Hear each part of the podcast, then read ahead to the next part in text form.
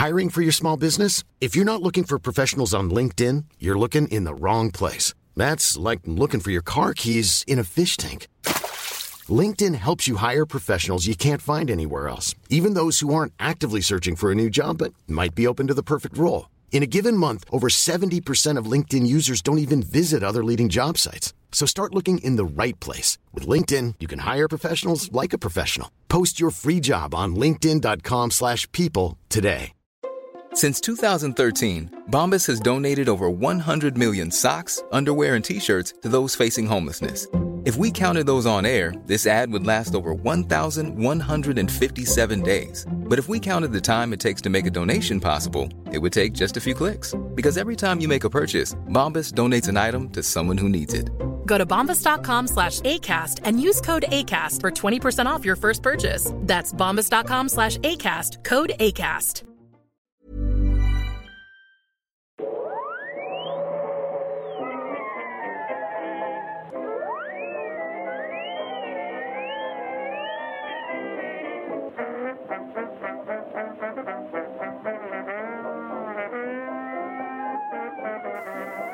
Då börjar det i stort sett bara.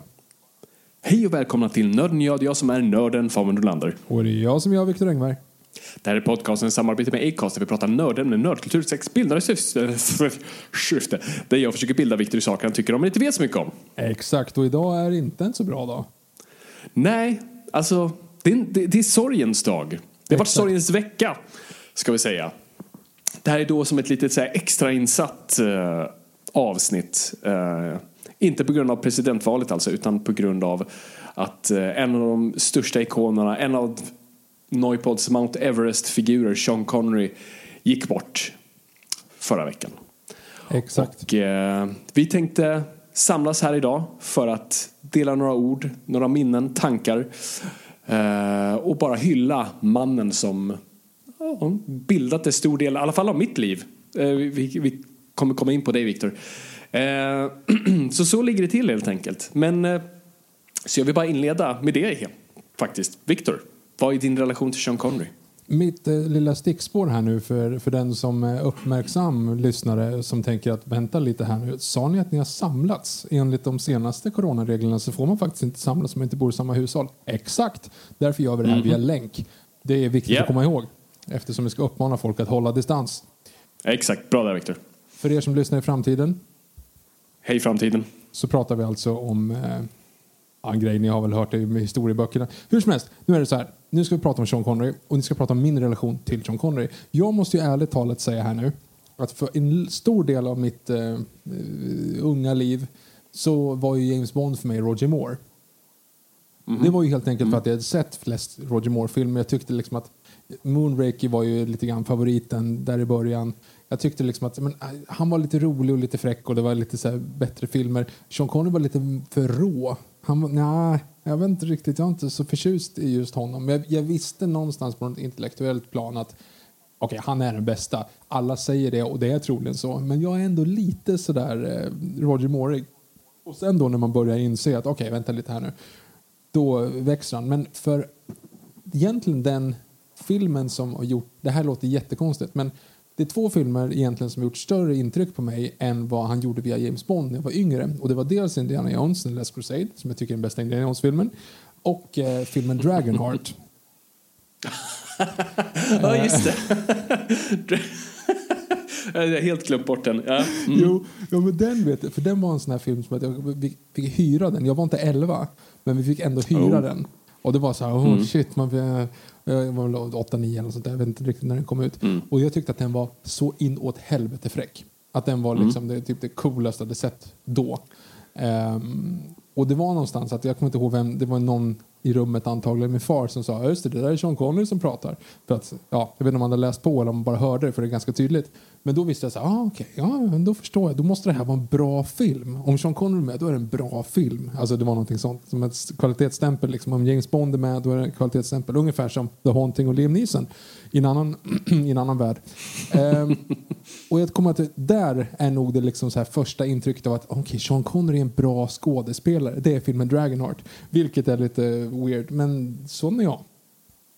Snyggt. Dragonheart som man också så här, den kommer jag ihåg som en av de här peak datanimationer. Det var, så här, det var den snyggaste filmen jag hade sett då. Det, det var helt sjukt. Har du sett bara lite klipp från den den senaste tiden? Ja, ja, det var, ja, jo, det ser ut som Det finns några bilder 2. liksom, när det är mitt på ljusa dagen och, de, och han typ flyger långt bort, då ser det riktigt bra ut. Men så fort de här närbilderna han pratar, oh, ah, ja. Men det var, det var den tiden, det är, ingen, det är ingen kritik mot filmen, det var, det var vad man hade att gå på då.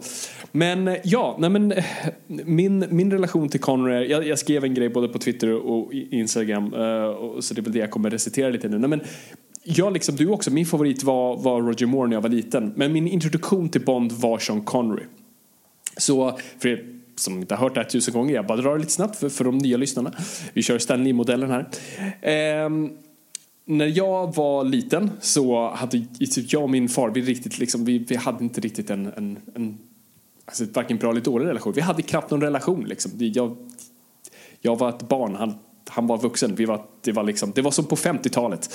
Um, ehm, och, men det enda vi liksom connectade kring och det enda vi liksom umgicks kring var James Bond. För på fredagskvällar på TV3 eh, på 90 tidigt 2000-talet så visade de en Bondfilm varje fredag. Och eh, då fick jag sitta med pappa i mammas och pappas rum och kolla på en Bondfilm. Och det var så vi liksom connectade, det var så vi, vi umgicks. Um, och den första Bondfilmen jag har ett minne av att jag såg var Goldfinger. För den hade vi sen också inspelad på VHS. Um, ehm, och just bara den här grejen av att öppna upp på en fiskmås i vattnet. Fiskmåsen blir en man. Uh, en, en man i dykardräkt. Mannen tar av sig dykardräkten och har en vit smoking på sig. Alltså du vet, det var liksom, jag kunde inte ta in det. Och den mannen som sen bara liksom gör de här grejerna, ska sätta ut den här sprängdegen och sen tar av sig och har den här vita smoken, har en blomma från ingenstans, bara sätter i lapellen. Går sen in på en bar, är lite cool och snygg. Eh, sen bara ser en brud som man går upp till rummet till, bara kysser henne direkt. Det kommer en snubbe från ingenstans som han bara fightas, kastar ner i badkaret, kastar in en eh, fläkt så han elektrifieras och sen svarar med en Vattnet blir rött. Ja, någon anledning. Uh, stuntmannen var ju inte latinamerikan heller utan det var en brittisk stuntman de bara färgade lite och sa ja men du ser latinsk ut för du har höga kindben. Cool. Ehm, eh, Oh, inte viktigt för diskussionen, men där och då var jag liksom fast i den karaktären och det var tack vare Sean Connery.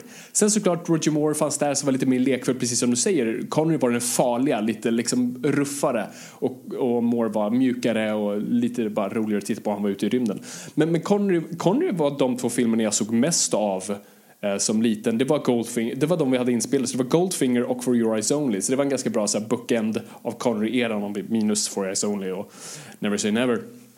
Så att eh, jag bara alltid gillade honom. Jag tror att både han och det var lite det jag skrev om att han och Moore var på något vis mina filmpappor. På grund av att jag hade den relation jag hade till pappa så på något vis, det här är så freudianskt så att det bara tjuter om det. Men liksom, jag, jag hittade fadersfigurer på andra ställen och det var via film. Inte så konstigt att jag kollade på film med pappa. Ja, ah, herregud, det här är så eh, psykologi 101. Men, men, men det var där jag liksom lärde mig det mesta var från James Bond, ironiskt nog en misogyn lönnmördare. Det var inte de sakerna jag tog, utan det var snarare det här liksom, hur du för dig i världen, hur du, hur du presenterar dig själv. Alltså jag kammade håret med liksom sidobena från och med jag var liksom 10. Ja, jag hade sen min eh, basistfas där när jag var 15, 16, vi pratade inte om det. Eh, men, men sen när, när, det, när det fluffet klipptes av, då var det tillbaks till, till Bondfrisyren och den har jag hållit sen dess.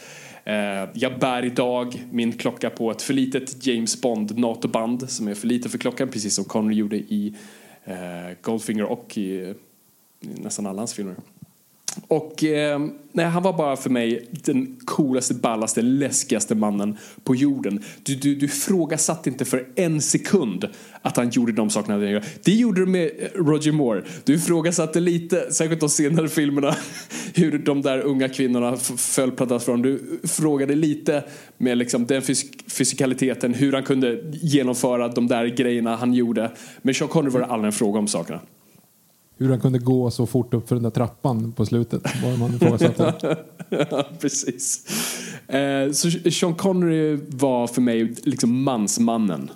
Eh, han var onårbar på så vis. Det var därför Moore kändes nårbar, men Sean Connery kändes inte nårbar. Ehm, och sen som du säger, alltså, sen hade du Indiana Jones och han var ascool där.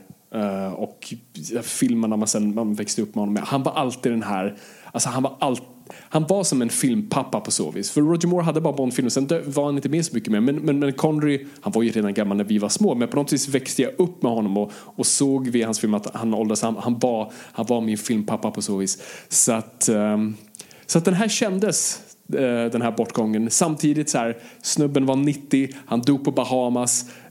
Alltså, ett värdigare liv kan du inte få. Så att, eh, fanns stor eloge till Connery och skål. Jag ska, om jag hade en whisky här skulle jag, ska, skulle jag skåla den. Men eh, ja. Here's a cool fact. A crocodile can't stick out its tongue. Another cool fact. You can get short-term health insurance for a month or just under a year in some states. United Healthcare short term insurance plans are designed for people who are between jobs, coming off their parents' plan, or turning a side hustle into a full time gig. Underwritten by Golden Rule Insurance Company, they offer flexible, budget friendly coverage with access to a nationwide network of doctors and hospitals. Get more cool facts about United Healthcare short term plans at uh1.com. I'm Sandra, and I'm just the professional your small business was looking for. But you didn't hire me because you didn't use LinkedIn jobs. LinkedIn has professionals you can't find anywhere else, including those who aren't actively looking for a new job but might be open to the perfect role, like me. In a given month, over 70% of LinkedIn users don't visit other leading job sites. So if you're not looking on LinkedIn, you'll miss out on great candidates like Sandra. Start hiring professionals like a professional. Post your free job on linkedin.com/people today. There's never been a faster or easier way to start your weight loss journey than with PlushCare. PlushCare accepts most insurance plans and gives you online access to board-certified physicians who can prescribe FDA-approved weight loss medications like Wigovi and Zepbound for those who qualify. Take charge of your health and speak with a board-certified physician about a weight loss plan that's right for you. Get started today at plushcare.com slash weight loss. That's plushcare.com slash weight loss. plushcare.com slash weight loss. Så, så, så, så är min relation till Connery. Lite mer än Dragonheart. Lite mer än Dragonheart, yes. Mm. Absolut. Uh, och, och vi, vi, vi, kan komma in på lite mer liksom, hans Bond och sånt där. Uh, vi kan ju bara dra en snabb liten liksom bara, bara vem Connery är. Och så, James Connery är en skotsk man som föds 1930 i Edinburgh. Eh, är en riktig liksom, är, är den här klassiska, han är inte ens i Old Hollywood för att han är liksom den här klassiska mannen som, som växer upp i ganska fattiga förhållanden som, som sen går in i armén. Han är tror jag den enda som liksom Bond har varit i marinen. Eh, därav han har de här tatueringarna som vi har sett i Bond-filmerna. Eh, trivia som du kan Viktor, eller hur?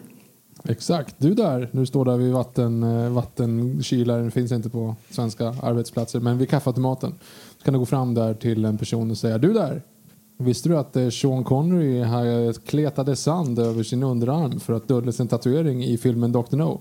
Och de säger, vad gör du på den här avdelningen? Jobbar du ens här? Och, och så skulle en annan säga så kanske kan trimma och säga nej nej Viktor, alltså det där var det Fabian skämtade om i det avsnittet om att det ser ut som att de har lagt blöt sand på hans arm för att dölja det. Grejen är egentligen bara att de sminkade ganska dåligt över hans tatuering. Eh, så han ska tydligen ha två tatueringar. Den ena är Scotland forever och den andra är, jag tror, bara mamma och pappa. Så, så han går med i armén typ när han är 16. Eh, men på grund av magsår var tvungen att lämna och sen bara försöker han ta sig fram med alla möjliga jobb bara för att liksom kunna tjäna på allt från mjölkbud till liksom städare till då nakenmodell som, som vi nu ganska känt vet idag att han, han, han poserade för både fotografer och uh, illustratörer. Eh, och han var ju så jävla snygg, det var det alla slog sig. Han var lång som satan, en 88 tror jag. Eh, och riktigt jävla snygg. Ehm, och verkligen dominerade varje rum han, han klev in i. Och det var lite därför att han började också bara som ett sidojobb, hjälpa till på en teater, bara hjälpa till på att städa och fixa runt. Men han var ju så jävla snygg och karismatisk. De bara gav honom en roll eh, som han sen tog med bravur och via det lyckades bara arbeta sig uppåt. Det var, liksom, det var ett jobb, det var ett gig och till slut började få lite små roller på teatrar och sen leder till tv vilket sen leder till film. Och eh, det är ju inte förrän då han gör en, en film, vad fan hette den? Jag antar att du inte kan den här trivian. Jag Victor. har ingen aning. Nej, men han gjorde... Äh, äh, vänta, vänta, vänta, Ja, jo. Äh, det, det, något jävla irländskt. Dar, O'Gill and the Little... Dar, Darby O'Gill and the Little People. Um, så var liksom en sån här la-di-da-di-da. Lucky Charms. Mm. Ja, exakt. Eh, som gjordes för, för, Disney. Och det var tydligen den filmen som eh, eh, Albert Broccoli såg. Framförallt hans fru som sa jag tror den här mannen skulle vara perfekt för James Bond som du letar efter. För de var ju ute efter Cary Grant. Som de, alltså Cary Grant var ju självklar för den rollen då men som Cubby Broccoli fattade att uh, alltså snubben, trots att snubben var best man på mitt bröllop, han kommer bara gå med på one, one deal picture. Liksom. Han kommer bara göra en film. Så vi måste hitta någon unknown. Och uh, det blev då, och det är det som är så briljant med castingen av Connery. För att så här, på papper, alltså, eller på papper så har du Bondboken, men som är nog ganska mer lik Connery, kanske inte till utseendet, men, men jag tror man hade castat, vilket de ville, Roger Moore. Alltså det var det de var ute mm. efter först, men han var och gjorde Helgonet. Alltså någon som är lite mer liksom en, en snygg svan på så vis. Eh, Connery var inte det, Connery var het men han var liksom, han var den här riktiga buffliga skotten.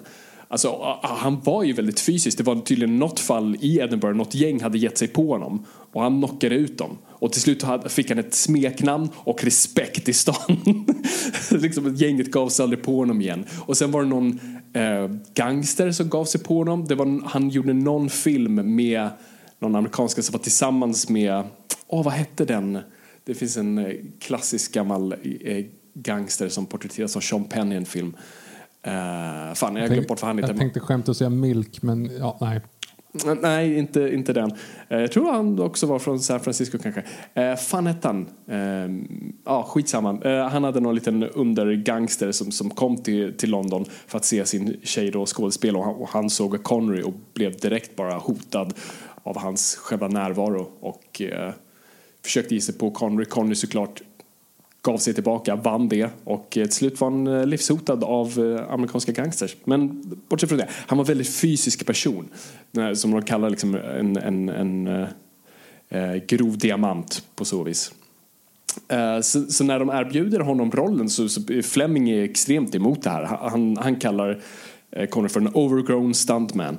Han tycker inte om honom alls. Och, men det är någonting som Broccoli ser i honom. Och vad framförallt, det briljanta movet där är ju just att så här, räcka över honom till Terrence Young som, regisserar, eller som ska regissera Dr. No som på något sätt gör Connery till den här gentlemannen, gör honom till den personen vi sen ser. Och, och tillbaka till just det, liksom, han är inte personen vi egentligen på papper tror ska vara James Bond men han är just det perfekta valet för det var lite som de beskrev honom. Han rör sig som en panter.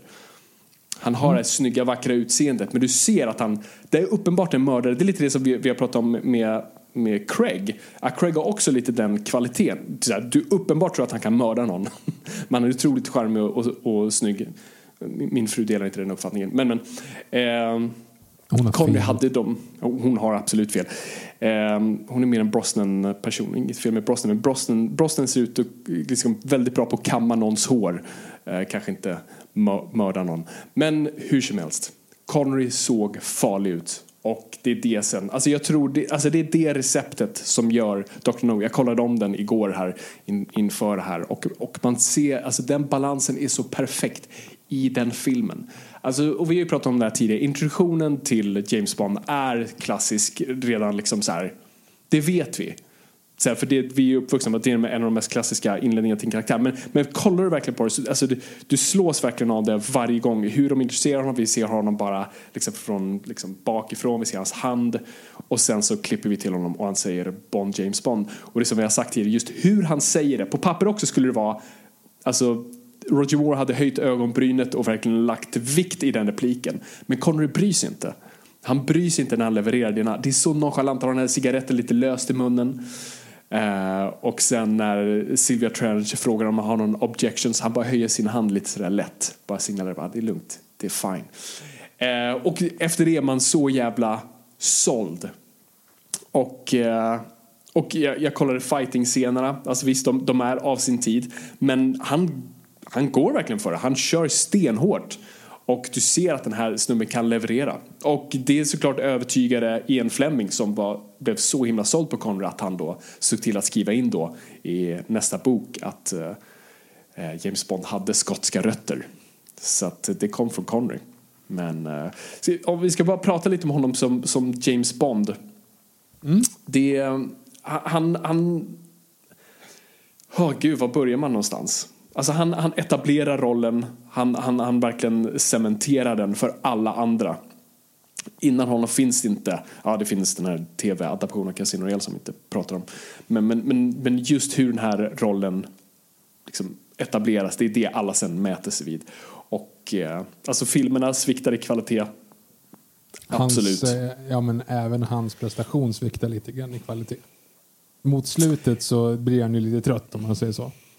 Ja, det kan man ju säga. Uh, definitivt. Alltså jag, jag har ju en kärlek för uh, You Only Live Twice. Om jag sa For Your Eyes Only förut så ber jag om ursäkt för jag blandar Ja, du sa For Your Eyes Only, men jag... Ja. Mm. Jag menar You Only nu Live Twice. Ja, ja. Nu har vi det utrett.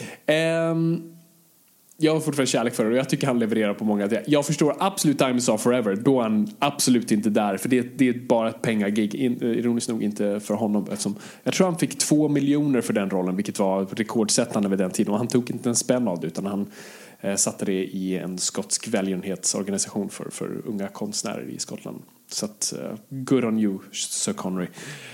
Eh, men jag tycker ändå liksom det, det fanns någon så här, även botten hans prestation fanns en charm där som alltid på något vis var grunden till allt han gjorde. Så jag tycker hans filmer, han håller nästan i alla filmer. Liksom, det finns lite plus och minus här och var om man märker att han blir lite trött. Men eh, ja, jag, jag, jag, jag diggar honom så fan. Jag tycker att om man tänker utifrån var han är bäst så är det antagligen Goldfinger eller eh, From Russia With Love. För då har han mm. liksom mm. på något sätt cementerat Dr. No, jag, jag, förstår vad du säger, men ändå så här, då vet han, ingen visste riktigt vad James Bond var, men han fick göra det en gång till. Då sätter den. Mm. Nej, absolut. Alltså From Russia With Love är min, min favorit Bond och det är precis som du säger, då, då är han lite mjukare i kläderna. Eh, Goldfinger definitivt så. Eh, Thunderball lite tröttare och han var, redan då var han frustrerad. For Your Eyes John Lily Twice, eh, han toktrött. Han var i Japan, han hade ingen form av privatliv. Eh, de, de, så här, droppen var ju då, en, alltså då han var liksom i en sån här bathroom stall och tittade upp och så var det en japansk fotograf där uppe. Eh, det var liksom bara, nej fuck it, jag orkar inte det här mer. Och han kände att han inte var uppskattad av producenterna. Alltså hans, hans lön var ju fortfarande detsamma tror jag som han hade i Dr. No, kanske lite mer. Alltså hans lön hade inte ökat Eh, med filmerna som var enorma jävla blockbusters. Så det fanns en frustration där att han inte kände att han fick ut någonting av det. Han, han såg ju inte sig själv som James Bond alls. Eh, han gillade inte den associationen. Han, personer i hans omgivning fick inte liksom prata riktigt om det, fick inte riktigt skämta om det. Det var ingenting man gjorde eh, kring Sean Connery under den tiden alltså. Och det är det jag tyckte var så sött att det kändes som att man alltid försökte separera sig från Och det här är också en ganska viktig punkt. Uh, sorry om jag är all over the place. Han är sure. jag kan komma på en annan skådis, kanske två, som har definierat en roll som sen inte typecastade honom. Förstår vad jag menar? Orlando Bloom och Legolas, tänker du?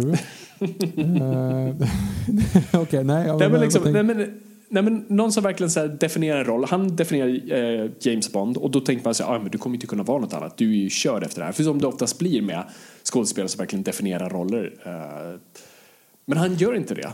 Men tänker du Harrison Ford nu? Jag tänker också. Harrison Ford. Ja, men han, som det, definierar två ju, roller. Jo, jo, fast han är ju Han Solo slash Indiana Jones i alla filmer efteråt också. Han, Oavsett om han spelar USAs president eller om han är Michelle Pfeiffers man. Alltså det är nej, samma har... karaktär. Det är för Get off nej. my plane, where's my family? Ja, alltså, exakt. Det är, liksom... det, det är en annan... Jag, alltså, jag, nej, nej, nej. Jag tycker... För, Indiana Jones och Hans Solo har lite mer av den här den charmiga Harrison ja, Ford. Alltså, okay, efter det är han en sur han, jävla gubbe. Men vi vet ju att han blir sur efter Empire Strikes Back. Han vill ju bli dödad, avdödad i Empire Strikes Back. Sen är han ju sur i 50 år efter det liksom. Eller 40 ja, jo, jo, men det var, det var han ju. Så det är därför du får mer än Harrison Ford, Harrison Ford i Force Awakens än kanske en Hans Solo Harrison Ford. Får lite glimtar av det, men nej, han tänker inte ge dig det. Okay, du, får, du får ingen uh, Harrison, eller du får ingen Hans Solo överhuvudtaget i uh, Rise of Skywalker i alla fall. Då har du bara... Nej, vänta, vänta lite här Snubben har inte ens klippt sig. Du har lite för långt hår. Uh, fuck it. Vill ni ha mig eller inte? Bara, okay, vi, vi tar det. Exakt. Uh, den tredje jag kan komma på är typ Schwarzenegger. Alltså Terminator. Eftersom, okay, Han beskriv, beskriv en annan roll som Schwarzenegger har som inte påminner om Terminator. Nej, men, eh, vad heter den? Jingle all the way. Nej, men, eh, det, du menar att han inte har en... han, alltså, han, har ju inte ro- förändrats någonting. robotiskt, Robotiskt eh, uttryck och en jättetung accent som du nästan måste texta oavsett vad det är för någonting. Har han någonsin spelat någonting annat än det? Ja, men det är ju det som jag tycker är så kul med Schwarzenegger. Just att så här, han har ju inte förändrats i sitt liksom, prestation. Men han har ju fått helt annorlunda roller oftast. Liksom om det är en sån här killer marine eller om det är just en, en pappa som ska köpa en julklapp eller vad det nu är. han har biceps som sån här redwood-träd. Liksom. Ja, ja, men han jobbar på kontor, det är jättetroligt. Ja, ja, precis. Det är det de försökte få, få att tro i Total Recall. Men... eh, Ja, eller i, vad heter den? Eh, eh, vad heter den? När han, eh, när han är twins. ja, just det. Ja, precis. Och ja, när han Twins. blir gravid. Ja, i, i, i Junior. Exakt. Junior. För att komma tillbaka till Connery. Ehm, nej, det tycker jag. Förlåt. Vad tänkte du? Jag var, nära på, jag, jag, jag var nära på att göra bort mig här nu. Jag tänkte lite grann på han som spelar farbror Melker, men det är tvärtom. För han, han slutade ju efter det. Han tappade ju helt det där. Um, jag försökte hitta en Vad svensk tappade motsvarighet. Nej, men alltså, han, han fick ju typ inga coola roller efter det, för alla pratade om farbror Melker efter det. Ehm, Var det så? På riktigt? Ja, men, men det är väl lite grann... eh, eh, Jag försöker hitta en svensk motsvarighet till det. Alltså så en... eh, en Som definierar en som- roll och sen kan gå Ja, vidare? som definierar en ja, exakt. Men jag kommer ju inte på någon nu och det är ju egentligen fel. Men det skulle kunna vara... ehm, vad heter han då? JV. Alltså jag tänker eh, Joel Kinnaman som slår igenom i Snabba Cash. Får Mhm. ju ett ganska brett spektrum av... För den som spelar hans polare, nu är det här jättedålig podcastgrej, men har du sett, kommer du ihåg hans polare? Eh, ja. i, i alltså JVs polare i Snabba Cash. Han har ju spelat Yes. samma roll i ja, men tio år sedan dess. Han är med i Beck advokaten till exempel. Nej, inte advokaten, Mm. den andra. Den med Beck när eh, han är ju, han är ju han brorsa till en av Becks kollegor och har gjort, betalat någonting under bordet. Ehm, och sen är han ju med i Top Dog nu och han är ju samma karaktär hela tiden. Han, är, han är nästan en granne. Jag ser honom här i området. Han, han, Ja, du ser. Han, eh, vandrar omkring här ofta så jag, jag känner mig lite partisk. Det kanske är så, jag har inte tänkt på det. Men det, så är det säkert. Den, den jag kan tänka på, men det är för att vi är partiska också. Det är Peter Haber. Som definierar både Rudolf och Beck. Ja, och jo. det är inte sådana grejer han kastar så. Alltså, han har ju haft ett väldigt brett Ja, jo. Eh. Gösta Ekman, samma sak kanske. Alltså, Fan, det är bra- Ja. Mm, fast det är eh, Jag Ja, tänkte att nej. Jag skulle ändå säga... av eh, Hasse och Tage-filmerna snarare. Ehm, En Sickan? Ja, alltså om man tänker Problemet är ju att han... Men problemet med, med honom är just att han blir lite typecastad i just här, lite som vi pratade om med Beck så här. "Ah, ja, du spelar den här liksom gamla polismannen men du måste snubbla några gånger Just för det. att annars Visst är det inte värt att vi anställt dig. Ja, och det är vilket han gör. Så det gör han ju även, så i alla liksom Hasse och Tage-filmer är han ju en duktig fysisk komiker som snubblar omkring och det är han ju även som Sickan och sen i resterande Ja, filmer det är också. väl- så okej, väl Pappa, Papam, Papam, ja, precis. Men, ja. Mm. ja, just det. Det här skulle vi researchat innan istället för att ta det här på, på wing. Men jag, jag kommer att fundera mer på det här medan du pratar. Fortsätt prata för mig. Det här är ett sånt avsnitt vi får. Vi får bara eh, winga det. Nej, men, eh, så, så det är jävligt coolt med Connery. Alltså, Hur just man definierar en roll och sen lyckas bara separera sig från det och bara vara någonting helt annat. Och det tror jag hjälpte mycket av hur hans fysik, för när han sen lämnar Bond, då är han ju liksom skallig och skäggig direkt. Alltså det, det, då liksom Ja, kastar han av alltså. sig. jo, men han, alltså grejen är, han hade ju tupé i, i Bond-filmerna. Vilket jag inte, jag är så förvirrad över det. Jag har en ganska bra wigdar. Eh, och, och som en man vars eh, hår inte lika tjockt det en gång var eh, noterar jag sånt där väldigt mycket. Och jag kollade igår på Dr. No och bara så här. Han har det inte det, Dr. är- No. det är det bästa tupén jag sett i så fall. Han har inte tupé. Han har tupé från med Goldfinger.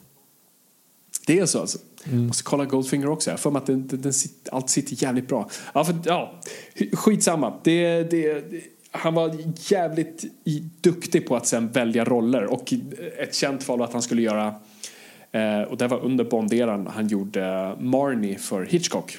Eh, Hitchcock var ju liksom det största som fanns, in, inte bara fysiskt, men, men han var ju liksom den största regissören i världen. Och eh, han skulle göra den här filmen Marnie med Tippi Hedren och eh, Connery var intresserad av, av rollen och han ville just ha, liksom, göra någonting annat under Bond-eran. Så att eh, med Broccolis kontakter så lyckades han få ett möte med, med Hitchcock och han ställde frågan ingen någonsin hade ställt Hitchcock, vilket var Får jag se manuset? För det är ju, alltså alla ville jobba med Hitchcock. Ingen, Cary Grant, ingen brydde sig om så här, det var Hitchcock. Eh, men Connery var den enda som sa jag måste, jag måste få läsa manuset. Och det som är så bra med Marnie är att han spelar en sån här liksom antibon, eller det är en väldigt snygg, suav person men som liksom är lite psykotisk. Eh, så det, han spelar verkligen in i den stereotypen man såg som honom men han sen vänder på den, vilket var ett väldigt smart drag. Eh, och sen efter det var Connery väldigt duktig på att bara välja roller. Absolut, det fanns lite liksom Leatherman-kinis men, och uh, några grejer vi kan ifrågasätta. Men, men, men, men för det mesta var han jävligt duktig på att bara hitta roller. Och alltså snubben kunde spela en rysk ubåtsofficer och bara nej jag kommer prata så här. jag kommer ja. inte ändra på hur jag låter. jo men och det är på något sätt så här, det, det, det känns ju arrogant vid, vid första anblick så här, ja men du kan ju försöka i alla fall. Du, du, den, här, den här skådisen, eller den här karaktären är inte skotsk.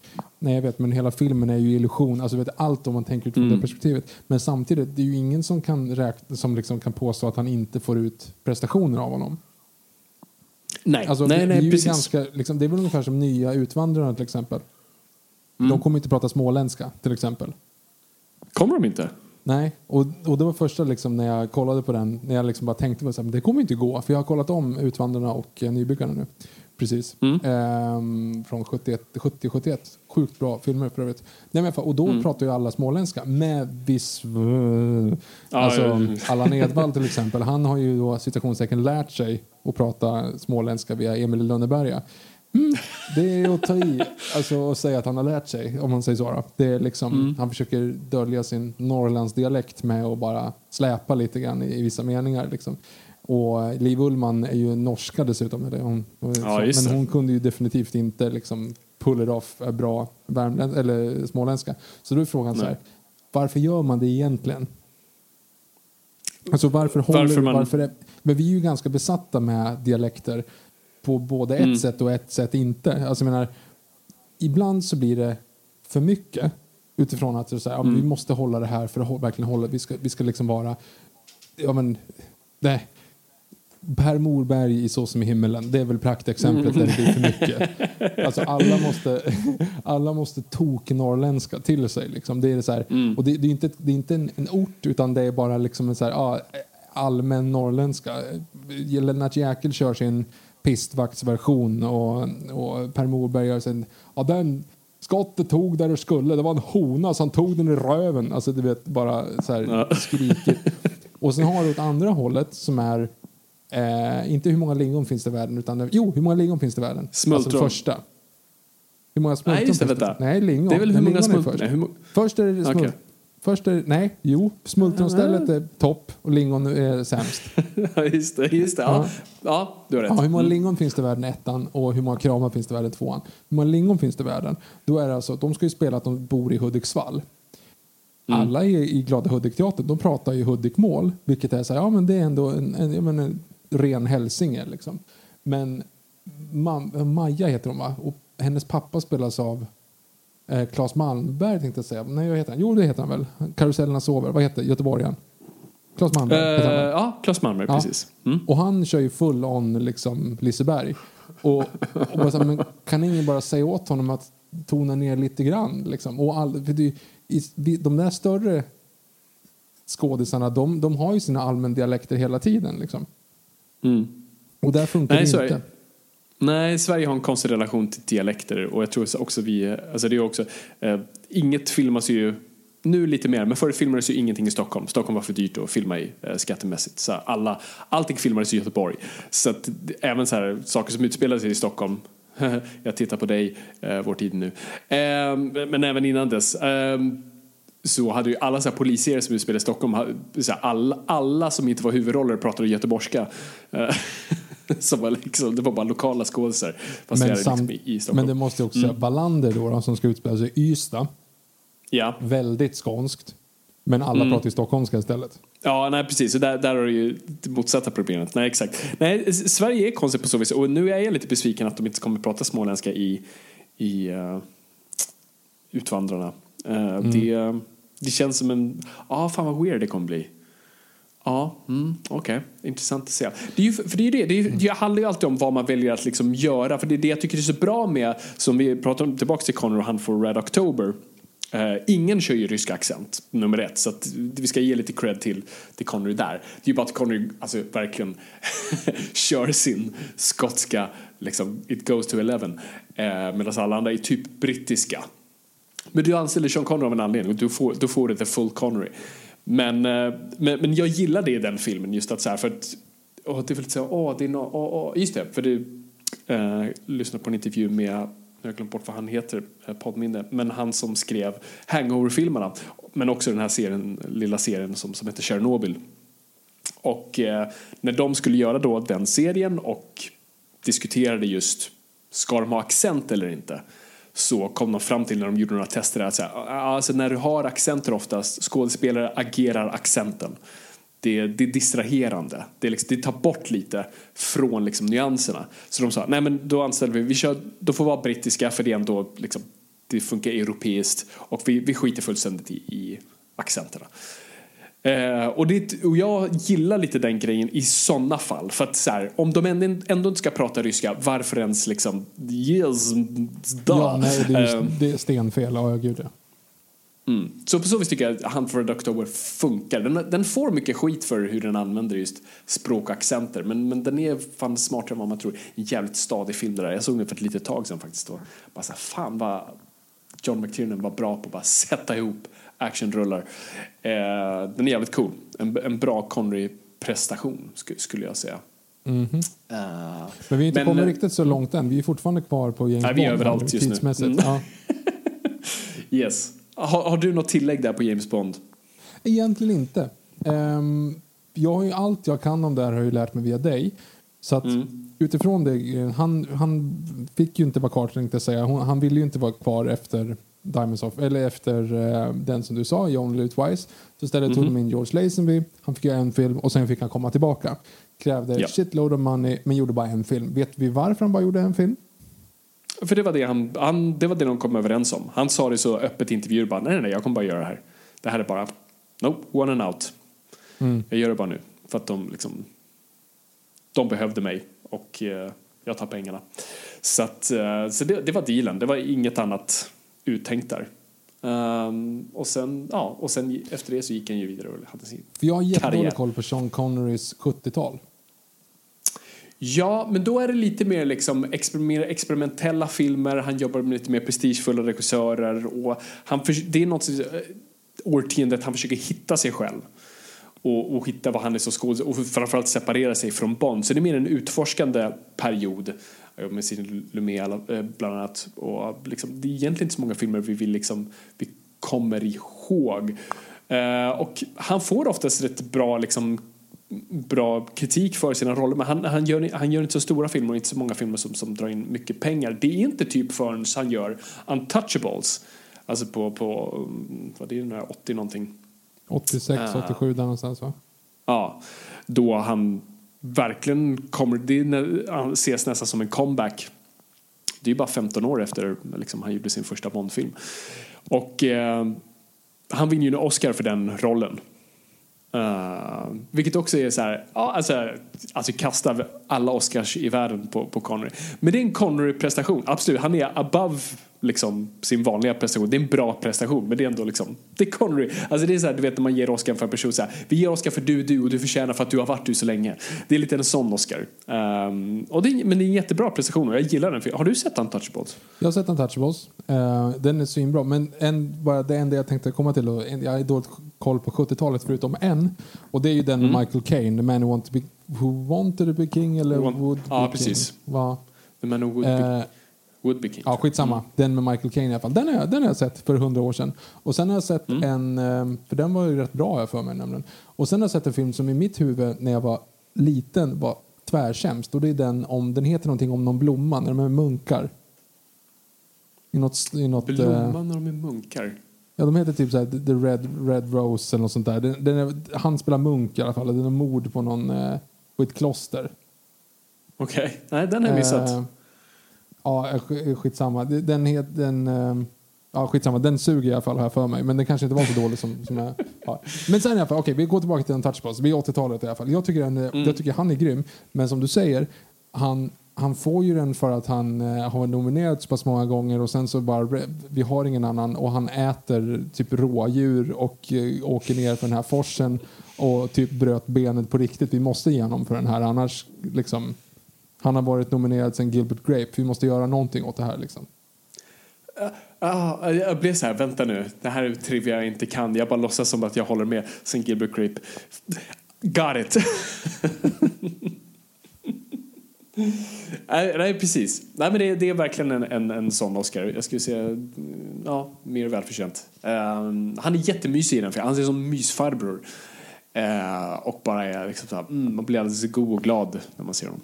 Jag måste dock säga, jag har dålig koll på liksom vilka som ligger bakom den så. Men däremot så måste jag säga att filmen, alltså han är ju bra såklart, men den är ju, hans roll är ju så jävla välskriven. Alltså dialogen på den kan i den filmen överlag. Det, är Yeah. så här, det har ju blivit ikoniska grejer utan att man ens tänker på det. Jag vet inte om det är liksom, det kanske inte där myntas, men jag, det här när han sitter i kyrkan med Kevin Costner, jag vet inte om, Intouchables handlar ju om, om de jagar Al Capone.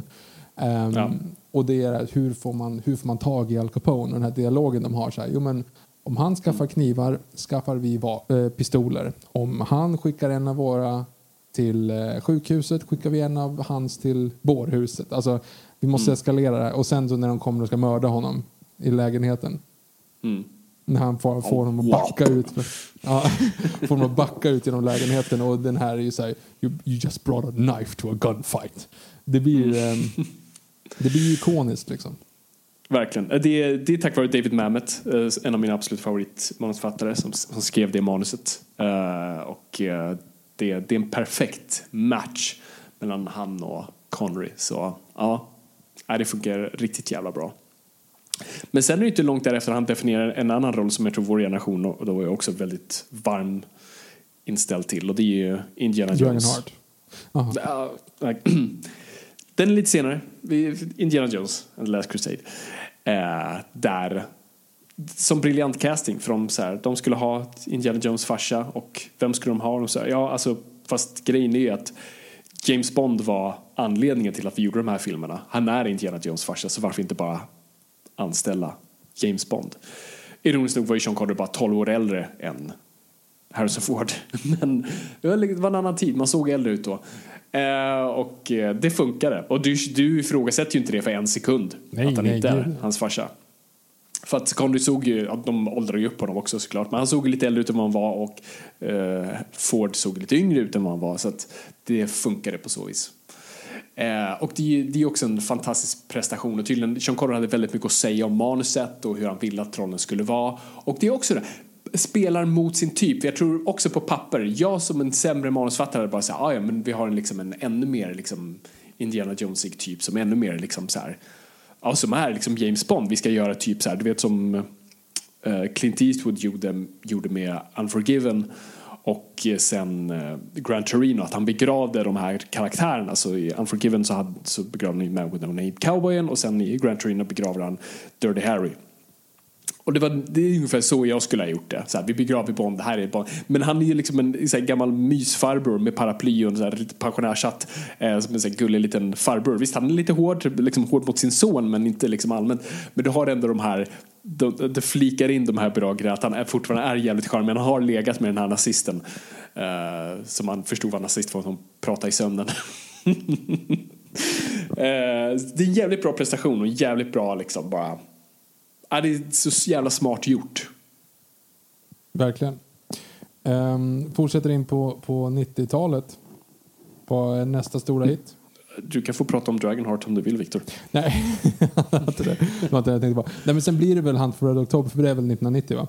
Han vinner ju Oscar Ja. 88 och 87 och sen så är det Hunt for Red October. Han hade jävla bra år där, eller några bra år. Ehm, bara därför så jag tappar lite grann. Vad är det som kommer sen? Det är ju en till av de där som kommer. Du har med The Rock. The Rock, där kom den. Den är ju mer, alltså den är ju inte mer, den är inte en citationstecken en, en bra film på det sättet. Däremot så är den ju jävligt underhållande. Och där är det lite samma sak. Alltså det skulle ju kunna fungera som en inofficiell uppföljare till hans James Bond. Folk har pratat om det. Jag håller inte med om den. Eh, Jag har hört väldigt mycket att det är det som hans Grand Torino, han begraver Bond-karaktären. Jag ty- Alltså han är på tok för grov i munnen och liksom en grov karaktär för att vara det. Men absolut, det är väl så nära Bond du kommer i den åldern. Liksom, losers go home, winners go home, fucked up prom queen. Alltså hela Jo, jag vet, men jag menar, det kan ju faktiskt vara så att den, den James Bond som du känner och tycker om har liksom förvridits. Han har varit, hållit på väldigt, väldigt länge. Hans Robin blev dödad av Jared Leto. Alltså helt plötsligt så blir man sådär ful i mun och bara dödar folk hej vilt. Det är mycket möjligt. Jag, måste, alltså jag har inte sett om... Jag har inte sett The Rock tror jag sen jag såg den typ hos dig. Jag har ett minne att jag sett The Rock hemma hos dig. För Ja, liksom tidiga. Mm. år. Det är någon fredagkväll liksom. Ehm, så jag har inte sett det så jag skulle jättegärna vilja se om det. Det är typ, nej han har två. Eh, Michael Bay har två filmer i Criterion Collection och The Rock är en av dem. Vilken är den andra? väldigt roligt. Jag försöker komma ihåg, är det Armageddon? Det Pearl är typ. Armageddon, eller Pearl Harbor, no, no, no. jag för mig att det är så. Mm. I alla fall The Rock är definitivt i uh, Criterion Collection, vilket är Mm. väldigt roligt. Dr. Ehm, Cox spelar en henchman i den. Det, är ju, Det gör han. Inte Göran, Precis. Dr. Cox. Dr. Cox. Nej, just det. Ehm, nej, The Rock definierar ju verkligen honom för, för, jag tror också för vår generation och generationer framåt. Det är på något vis så här, de här pelarna av, av är typ James Bond, Indiana Jones och The Rock om man tar de här stora grejerna som vi har vuxit upp på. Eh, och det är, en, det är en jävligt cool utveckling.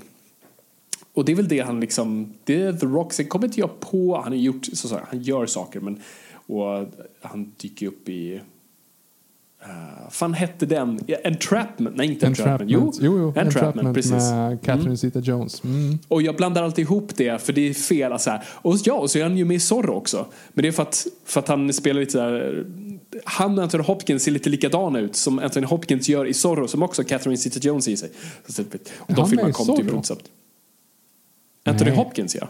Ja, men inte, ja, inte Sean Connery. I, nej, inte Sean Connery, men det är Ja, där jag jag blandar ihop väl. dem. Jag tänker Ja, att jag Sean. Connery var den gamla Zorro, men det är inte utan det är uh, Anthony tänkte väl. Hopkins. Nej, eh, men en, en film som eh, vi hade faktiskt en lyssnare som, som eh, påpekade i våra kommentarer för några dagar sedan. Det var ju Highlander 2. Ja, just det. Oj, den har inte jag sett sen VHS fanns. Mm, nej, där han spelar liksom en... Han, han heter typ... för Huvudpersonen är, är ju skotsk, men han är inte skotsk. Och Sean Connery ska spela mexikan. Och han låter väldigt skotsk. Det här Så pekar ju väldigt mycket på rollerna han tog under den här tiden. Alltså väldigt mycket fadersfigurer spelar han ju under sina senare. Alltså den här som kommer ta hjälten vidare. Precis som man gör i The Rock, precis som man gör i Indiana Mm. Jones, som man gör i Highlander. Eh, och Highlander 2. Ja, han är med i båda. ja, Highlander 2. Eh, sen har, The Prince of Thieves är ju en film som jag hade rätt mycket eh, till övers för en gång i tiden. Eh, och där är Gick ofta på grej. TV3. Ja, jämt. Alltså varannan Mm. vecka, typ. Ehm, och där spelar han ju också lite samma sak där, King Richard. Alltså mer, Mm. mer engelskt än så blir det ju inte. Förvisso skotsk, så att den borde inte vara så stolt över King Richard. Men ändå, det är ändå en Mm. sån grej.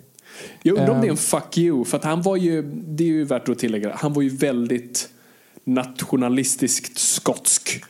Eh, Mhm. någonting folk, folk fann väldigt eh, kontroversiellt. För han, han stötte då ett eh, parti som stod för att separera sig från, från Storbritannien och så här, independence och sånt där. Han var väldigt liksom, trogen skotsk man. Och enda anledningen, han blev faktiskt alltså, knighted, krönad, vad, heter det på, på, på svenska? Mm, så- han blev det trots de kontroversierna, så det, så det talar en del för det. Liksom. Och, ehm, och tyvärr kunde han inte återvända till Skottland för på grund av lite skatt, skattefiffel. Men, ehm, men hur som helst, han var, han var väldigt eh, skotsk. Så jag undrar om sen när han spelar sådana typiska brittiska roller att han bara oh, fuck you. liksom, jag, ska köra, jag ska skotta ner den här brittiska ikonen. Ja. Och sen så slutar väl allting tänkte jag säga. Men eh, det är väl när han ska göra liksom så här, kröna sin karriär. Han ska gå i pension. Och sen så hör han om den här eh, ja, men serietidningsfilmer. Det, det är inne nu. Så han producerar och eh, gör den här fantastiska The League of Extraordinary Gentlemen. Som liksom kronan på verket av sin karriär. Det är det som är så sorgligt. Och man, man ska se på det för vad det är. Liksom. Så, så, på, så på rent liksom bara objektivt man tittar på filmen, den är katastrof. Eh, alltså både som ett serietidningsfan och filmfan är det blasfemi. Eh, och det är så sorgligt att veta att det här var liksom Conrys sista film. Och så här, hur, hur kan du känna så här, ah, nu, kan jag, nu är jag nöjd. Eh, men så var det inte, utan det var snarare av samma anledning han också gav upp. Det var inte tanken att det här skulle vara hans sista film, utan tanken, alltså grejen var bara att det var så han gillar inte det nya Hollywood. Han gillar inte hur Hollywood såg ut. Och, han, och det bekräftades när han gjorde den här filmen. För det var en kaotisk inspelning. Han hatade regissören. Det bara blev fel. Och bara, allting föll pladaskt. Och efter det kände han bara så här, nej men jag, jag är klar. Och eh, det var ju några år efteråt. Han, folk försökte ju casta honom med grejer. Bland annat Peter Jackson ville ju casta honom ja, som, som, Gandalf. Eh, ja, men det var innan. Eh, de spelade, Sagan om ringen spelades ju 98, 99. Det här just är ju typ 2002, 2003. Mm, jag mixade ihop det, för jag för mig att det var det han använde som ursäkt. Att han, just det, fan, det, du har helt nej, han tackade nej. Ian McKellen fick ju rollen istället. Liksom. Eh, och han tyckte mm. att det där, det där kommer inte bli något bra. Jag fattar inte böcker. Det var det som han hade som argument. Jag fattar ja, han inte fattar inte, jag fattar inte böcker, jag fattar inte manuset. Han erbjöds tror jag 30 miljoner plus typ 10 procent ja. av, av, och någon räknar ut att han hade tjänat runt 400 miljoner dollar på den filmen. det var en sån där Jack Nicholson deal, Batman, som var helt sjuk. Så att, uh, ja, nej det, det jag vet inte, jag, jag hade ju velat, jag älskar Emma Kellen så Gandalf, han har verkligen alltså, cementerat den rollen och gjort det till sin egen och jag kan inte se någon annan. Men jag hade så gärna velat se Connery som Gandalf. Fan vad coolt det hade varit. Men det hade tagit dig ur filmen? Det hade väl det, för du hade sett Sean Connery i Exakt. trollkarlshatt och skägg. Och Gandalf är skotsk? Ja, men det hade funkat med en sån karaktär tycker jag ändå. Det tycker jag ändå. Ja, kanske. Jo, det hade funkat. Jag, jag, jag hade gillat det. Men, eh, men det var han hade absolut inte dykt upp i Bilbo eller Hobbit-filmerna så att eh, det hade Nej, och det hade väl inte varit någon förlust. Nej, förvisso. Men ja, ja. Nej, men så efter Extraordinary men så bestämmer sig att gå i, i pension när folk liksom ber honom komma tillbaka så säger han bara nej jag njuter av det här för mycket. Pensionslivet är, det är min grej. Han, han, han hänger på Bahamas och jag, I can't blame him. Men han gör ju uh, den där skotska filmen också ju. Ja, typ 2012 gör han och det är just lite den här skotska nationalismen i det att han då, det, det är någon animerad film som ska göra göras. Vad fan heter den? Uncle Billy eller vad fan heter den? Ja, jag, jag, vet inte. Jag, jag har inte sett. Jag har bara sett trailern. Kolla den. Det, det IMDB är det och kolla trailern. Det ser för jävligt ut. Uh, och du hör att Connery lite, låter nästan halvdöende där fast det var åtta år sedan. Det låter inte bra. Det ser inte bra ut. Han kör en Aston Martin. Nej, det funkar inte alls. Men det är väl en, ehm. en skotsk animeringsstudio som ska göra den första fullt animerade filmen i Skottland. Och på något ja, sätt precis. så har han mutat honom för att ta tillbaka honom för att han, ja men let's face it, vi gör det här för Skottlands film. Men ja, alltså, och... titta på trailern, det ser ut som att den är gjord i paint. Alltså det är så dåligt mm. framförallt. Det är så dåligt animerat. Det är liksom, trots att den är relativt ny så är det, den, slår, den slås ju av första Toy Story med hästlängder liksom. Ja. Uh, kunde inte Connery bara pumpat in lite pengar i det där? Han var ju ändå producent. Ja, det är lite konstigt. Han gör, och sen ska vi också faktiskt till han faktiskt återvänder ju som James Bond ytterligare en gång. Vet du vad mm. jag syftar på? Tv-spelet? Ja. From mm. Russia With Love gjordes ju för ah. Playstation 2. Kan det ha varit 2004 kanske? 2004, ja, det, 2005? Det någonstans. Det är Playstation uh, 2 i alla fall. Ja, precis. Och uh, då gör han om då rollen som James Bond för From Russia With Love. Och han var tydligen väldigt alltså, ödmjuk inför det. Och det är det jag tror man också ska kolla. Jag, jag kommer ihåg det var något klipp, om det var Wimbledon eller vad det nu var när han satt i publiken och eh, att de noterade att Connery satt i publiken som spelade Bond-temat i högtalarna och gav honom en stående ovation. Och det mm. var så gulligt att bara se honom där faktiskt sitta och le och på något sätt ha accepterat den här rollen äntligen. Och på något sätt bara, ja ah, men fan, jag är James Bond. Det, ja, fan, jag är det. Och jag accepterar det och det, det är nice. Folk uppskattar mig för det. Och det var himla gulligt och fint att se nästan cirkeln sluten där. Uh, ja. Mm. Jag, jag har ju hört, jag vet inte om det stämmer, du vet det säkert bättre än vad jag gör, mm. men att eh, Sam Mendes, de kanske aldrig frågade, men de hade åtminstone liksom på, på ritbordet att Sean Connery skulle spela den här skotska caretaken i Skyfall. Ja, jag försöker nu komma ihåg vad som är så här myt och vad som är verkligt. Jag kommer ärligt talat inte ihåg. Jag, eller jag skulle säga så här, officiellt har de inte sagt någonting som jag minns. Jag är 100% säker på att det var det liksom, vi kastar frågan i alla fall och ser vad som händer. Den, den, den första tanken var ju att Skyfall skulle vara så här retirement home för gamla agenter och då skulle typ alla skådisar sitta där. Jag var glad att de kastade den idén. Men jag kommer ihåg när jag såg Skyfall. För du, du, Kincaid-karaktären introduceras först bara via liksom att han, man ser hans händer och ett gevär. Och jag tänkte, oh shit, de har gjort det. Oh, my, oh nej, oh herregud, vi bara visste inte.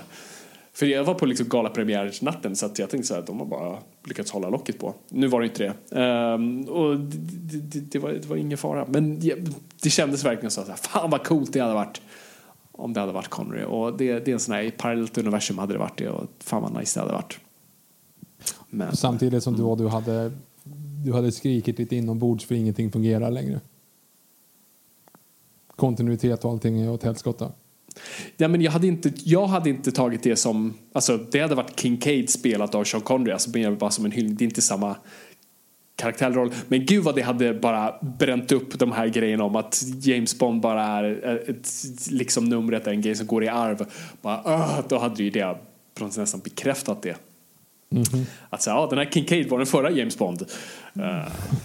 Uh, det är inte så by the way, bara så ni vet. Nej, jag vet. Vi har sagt några det en gång. podden. Ja. Yes. Nej men så...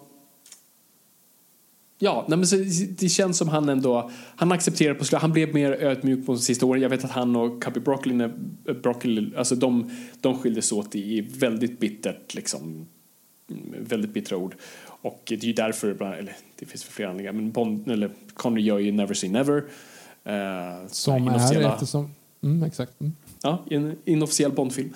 Eh, som egentligen bara är en remake på Thunderball. För det var ett, en hel jävla rättslig dispyt mellan Fleming och... Ah, mm, poddminne, jag kan hans namn. Ah, Victor, pin, poddminne. Han som Vet skrev Thunderball. Kevin Eh, McClory. Det hade jag nog kunnat lista ut om jag hade fått några timmar på mig. Ja. Jag tror det är Kevin McClory. Om jag inte mixar ihop honom med Jag tror det är Kevin McClory. Eh, ja, det, det här finns i vårt Bond-avsnitt långt tillbaka. Men kanske inte lyssna på det för det är så gammalt. Men i alla fall. Det, det var en story som Fleming hade kommit på tillsammans med Kevin McClory för de skulle göra det som en av de första filmadaptionerna. Det blev inte av så Fleming tog den storyn och skrev då Thunderball-boken. Kevin McClory bara Hej, hörru du, det där var min idé också. Fuck off! Och det blev en jättelång eh, rättslig dispyt där som bland annat då sägs ha lett till Flemings död. Ehm, och det var massa bråk fram och tillbaka mellan Eon och McClory. Men till slut så, i något rättsfall så lyckades McClory få ha rättigheterna till Thunderball-storyn och därav få göra sin egna Bond-film. Man fick inte ha liksom någonting som var kopplat till Eon, så i hela liksom gun barrel-sekvensen och James Bond-temat fick inte liksom vara där, men de fick James Bond-karaktären och storyn. Så de gjorde Never Say Never, lyckades få Sean Connery. Eh, den kom samma år som jag tror Octopussy. Så det var liksom Battle of the Bonds det året eh, Octopussy vann. Men, eh, men eh, det sägs liksom att det var lite som en fuck you till Broccoli. eh, att Connery gjorde det. Såklart för pengarna också. Han är ju väldigt gammal. Och, men Connery gillade också lite grejen att det var en gammal Bond. Och sådär. Men, men det var lite som ett finger till, till Cubby. Och, eh, men tydligen sen när Cubby väl på eh, 90-talet då låg på sin dödsbädd så ringde Connery honom och sa att han älskade honom. Och de liksom på något vis... Mm. Så att Connery blev mer ödmjuk senare eh, i livet och på något sätt accepterade rollen, accepterade vad han hade etablerat då. Ja, det var, det var fint. Och han, han försvann också så här... Absolut, det var synd att det var The League som blev hans sista film. Men det var ändå någon slags värdighet att sen bara, okej okay, det här funkade, jag går, jag drar. Jag, jag, jag hänger på Bahamas och har det nice istället. Så, att, så på något sätt värdigt, skulle jag ändå säga. Nu har vi bara pratat om honom i filmvärlden. Så där. Har du någon koll på hur han var privat? Alltså jag vet ingenting om karln. Nej, alltså han var ganska privat. Uh, alltså han hade mycket, liksom, han var vän med Michael Caine som verkligen, alltså, tyckte han, alltså älskade verkligen honom och beskrivit honom som en väldigt liksom, härlig och rolig människa. Det finns ju kontroverser kring hans relation till kvinnor. Eh, han hade sagt i en tidig intervju att, uh, liksom, att slå en kvinna var okej. Och det sen togs upp i en ganska känd intervju som finns på Youtube. Eh, då, jag tror det är på 60 minutes eller vad, vad det nu är som han intervjuas och liksom ställs upp mot väggen för det. Liksom. Så hör du, du har sagt det här, är det verkligen okej? Okay? Och han, han, han står fortfarande fast, vilket är, det är hemskt men samtidigt väldigt Connery. Och bara så, no, yes, they deserve to be slapped. And not with an open hand, but, eller just not with a closed fist, but an open hand. And if, if the woman just, she wants the last word, and she, she won't give you the last word, and she och han försöker förklara att liksom så här, till, till, till, slut kommer det till punkten där de vill det. så att, ja.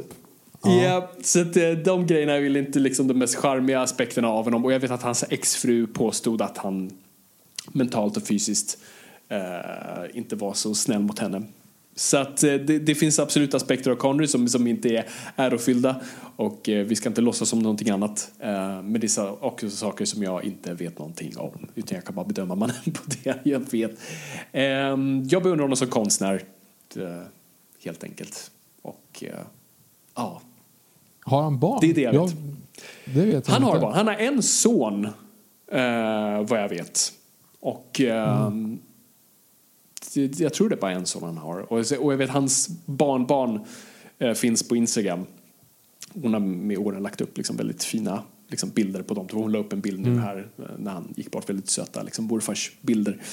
Eh, så, och han har, och han, ja, hans exfru eh, som då skrev den här boken om honom och sen, men sen hans fru som han nu hade tills han gick bort var tillsammans sen 1975.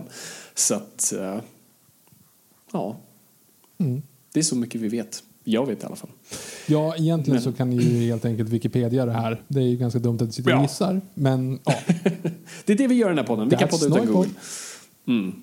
Nej men så, så, som sagt, det, det, liksom, det, här, det här tog lite hårt, absolut. Men samtidigt så här, fan du levde ett jävla liv. Och du lyckades med saker, liksom, de flesta av oss inte ens kommer vara i närheten av att göra en promille av. Så att kudos till det. Och eh, det är bara det sätter saker i perspektiv och man, man, liksom, man påminns om de sakerna som man uppskattar och varför man uppskattar dem, vad det liksom var. Uh, det är liksom slutet av en era på ett sätt. Alltså, det är lite de här grejerna, fast man inte fast man inte interagerar med dem, fast man faktiskt inte har gjort någonting på flera år. Just att någon försvinner sådär, bara såhär, ah, det, det är över, den här personen finns inte längre. Det, det är liksom en bit av tiden som vittrar bort. Och det, det, det är någonting sorgligt i det. Men vi har filmerna, tack gode gud. Och jag kunde slå på Dr. No igår och njuta och bara så fan vad coolt. Det här kommer för evigt finnas. Och jag är för evigt tacksam hur det har format mig som, som person och varför vi ens har den här podden är mycket till stor del på grund av Sean Connery. Och att vi har kunnat ha så många avsnitt kring Bond. Uh, nej, det, det, kommer, det är få sådana personer som har funnits och som kommer finnas, den här gamla klassiska Hollywood-skådisen. Uh, fan. Skål Connery för det. Det tackar vi för. Fint. Så ja, nu har vi bara, nu har vi Lazenby och vi har Brosnan, Craig och uh, ja, Dalton, Dalton kvar. kvar också. Mm. Uh, så att vi förlorade, ja, var, Roger Moore gick väl bara bort för en, två år sedan kanske. De är ja, lika gamla. Uh, mm. Och de är också polare, vilket var väldigt fint. Äldre, inte så?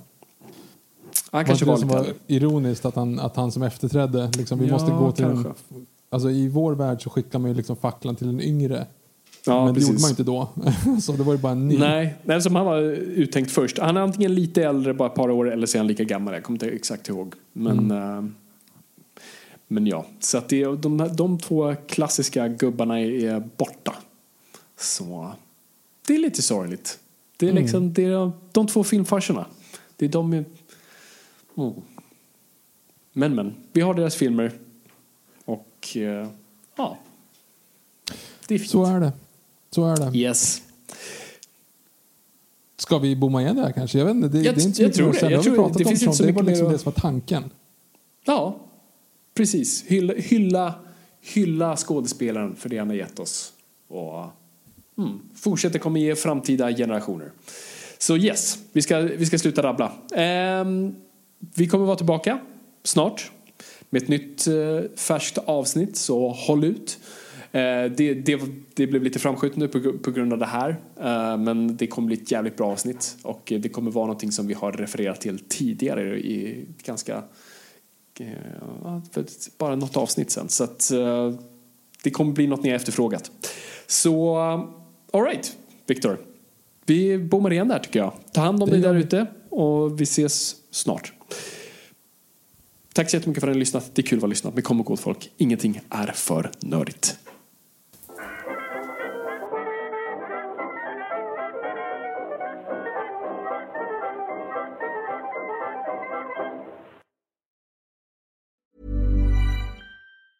Hi, I'm Daniel, founder of Pretty Litter. Did you know cats tend to hide symptoms of sickness and pain? I learned this the hard way after losing my cat, Gingy. So I created Pretty Litter, a health monitoring litter that helps detect early signs of illness by changing colors, saving you money and potentially your cat's life. Pretty Litter is veterinarian developed, and it's the easiest way to keep tabs on your fur baby's health right at home. Go to prettylitter.com and use code ACAST for 20% off your first order and a free cat toy. Terms and conditions apply. See site for details. Planning for your next trip?